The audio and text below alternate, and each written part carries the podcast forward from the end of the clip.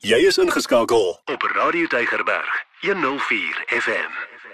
Dis weer tyd vir ons weeklikse afspraakie Kies Lewe. En dis presies wat ons in hierdie paar minute wil doen om jou te help om die regte lewenskeuses te maak sodat jy uiteindelik by 'n punt kan kom waar jy sê ek gaan nie oorgee aan hopeloosheid nie ek kies lewe. Die kenner in die ateljee wat ons help hiermee is Dr. François Swart, kliniese en pastorale terapeut en ons pak hierdie moeilike lewenskwessies sommer kaalvuis aan. Vir jou tyd vandag weer welkom. Dankie. Dankie Lorraine en dag sê aan jou en die luisteraars. Dr. François, in die COVID tyd het ek baie gelees en gehoor hoe mense van luksede moes ontslaa raak. Nou een van die eerste plekke wat my opgeval het waar mense gesê het hier gaan ons sny is hulle het hulle huiswerkers se ure verkort of hulle dae verkort en hulle daarop begin bespaar.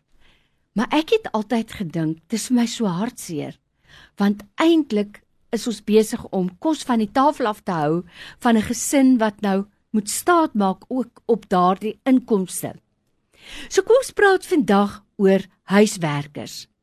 En ons begin sê vir mekaar, is dit altyd nodig om 'n huiswerker te hê? Ek kan mos die werk self doen. Waarom sal ek 'n huiswerker inneem? Ek dink ons is in Suid-Afrika, ons is gelowiges en ons het 'n roeping. Mm. En as jy 'n geldjie het en jy het 'n verdienste, ons sê altyd, ons lees dit in Maleagi in die Bybel ook, Ons werk met die beginsel van die 10de. Dit, dit hoef nie 'n 10de van jou salaris te wees nie, dit kan 'n 10de van jou tyd wees, 'n 10de van jou gawes wat jy pro bono vir 'n situasie gee. Maar in Suid-Afrika met 'n werkloosheidssyfer van by die 35% mm, mm, en jy wat redelik bokant die broodlyn lewe self en jy het 'n werk moet jy baie mooi dink. Ek weet ook van die COVID tyd Lorraine waar daar regtig werkgewers en huisgesinne besonder moeite gedoen het om juis hulle huiswerkers te probeer behou. Mm. Hoekom?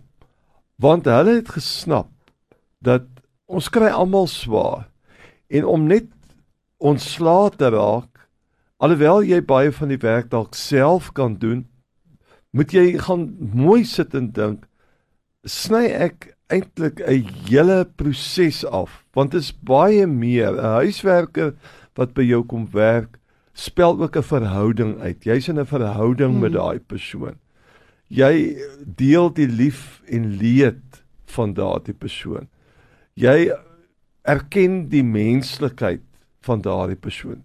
Jy het ook verhale wat jy vertel vir mekaar En veral as jy met 'n mamma werk, huiswerker, sy het teen 2 of 3 kinders hmm. wat sy ook onderhou. Hmm.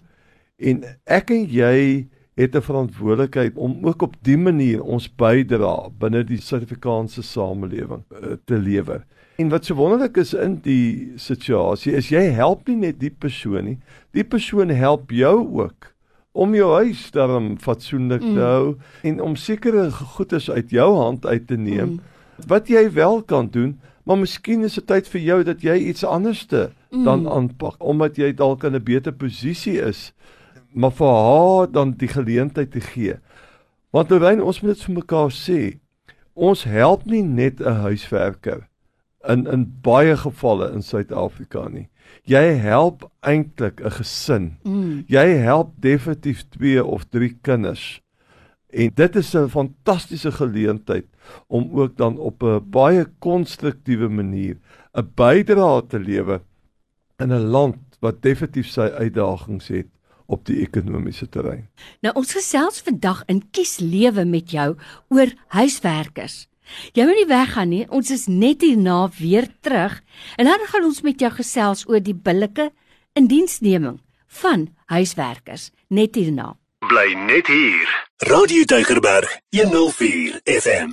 As jy sopas eers ingeskakel het, dis kies lewe. Ek is Lorraine Katske en weekliks pak ons kwessies sommer kaalvuis aan en Die kenner in die ateljee Dr. François Swart.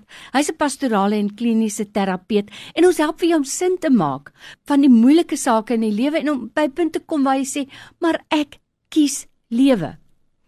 Dokter Frans, ons praat nou juis oor huiswerkers en is so waar. Dit het 'n rimpel effek.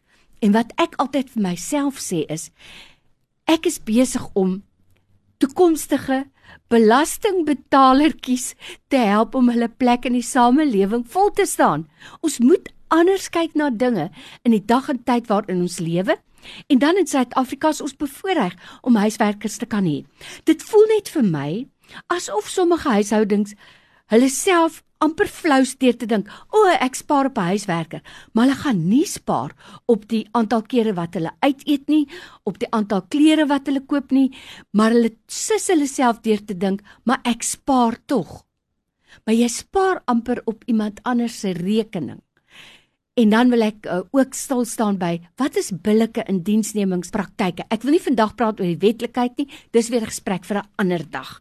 So, kom ons vra vir onsself af. Flous ek myself as ek dink ek spaar en dan wat is 'n billike indiensnemingspraktyk? Ek wil begin by die billikheid. Ek dink ons moet baie praat oor billikheid en ons verantwoordelikheid as gelowiges om ook hulle wat swaar het rondom ons 'n plan van aksie te hê. Ek wil nou nie in die wetlike aspekte gaan nie, maar die nuutste wat ek het is dat ons huiswerkers as hulle langer as 27 uur per maand by jou werk, dan kom hulle in aanmerking vir UIF. Ja, daar moet 'n kontrak opgestel word.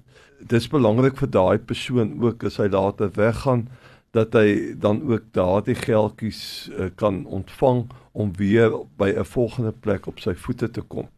As jy nie daarvoor kan sien nie, dan kan jy 'n huishulp eintlik net hê vir 4 dae in 'n maand vir 6 ure lank.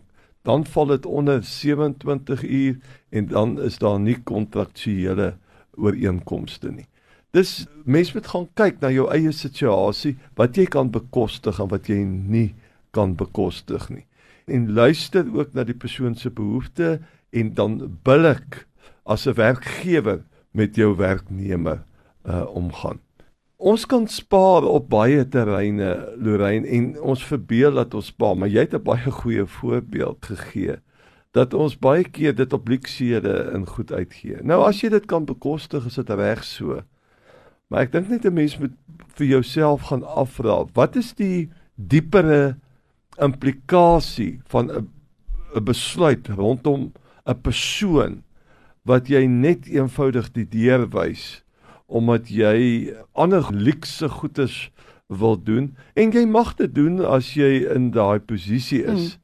Maar is jy verantwoordelik? Is jy 'n goeie rentmeester? Mm. Die Bybel praat van rentmeesterskap het jy 'n goeie onderskeidingsvermoë oor oor wat is die implikasies of gaan dit net oor wat ek wil hê en wat ek kan geniet en ek gee nie om of ander mense in die proses benadeel word nie. Dis as ons kan help op ons beskeie manier binne ons familieverband om ook vir ons huishulpe werk te skep en vir hulle gelukkig te hou, dink ek is jy ook besig met jou Christelike plig en roeping in hierdie land. En ons moet nie terugdeins daarvan nie. Dokter Fransja, dit is so waar en ek wil regtig 'n beroep doen op mense om na die groter prentjie te kyk. As die armoede en die werkloosheid in Suid-Afrika toeneem, het ons baie groter probleme as waarvoor ons kan sien. So baie dankie vir die tyd en insig weer vandag. Dit is vir my so lekker om te kan weet dat ons dit ook vanuit die Bybel beskou. Vir jou tyd, ons sal jou nooit daarvoor kan vergoed nie, maar ons waardeer dit. Dankie. Dankie Lorraine. 'n Groete aan al die luisteraars. Elke dag jou nommer 1 keuse. Radio Deugerberg 104 FM.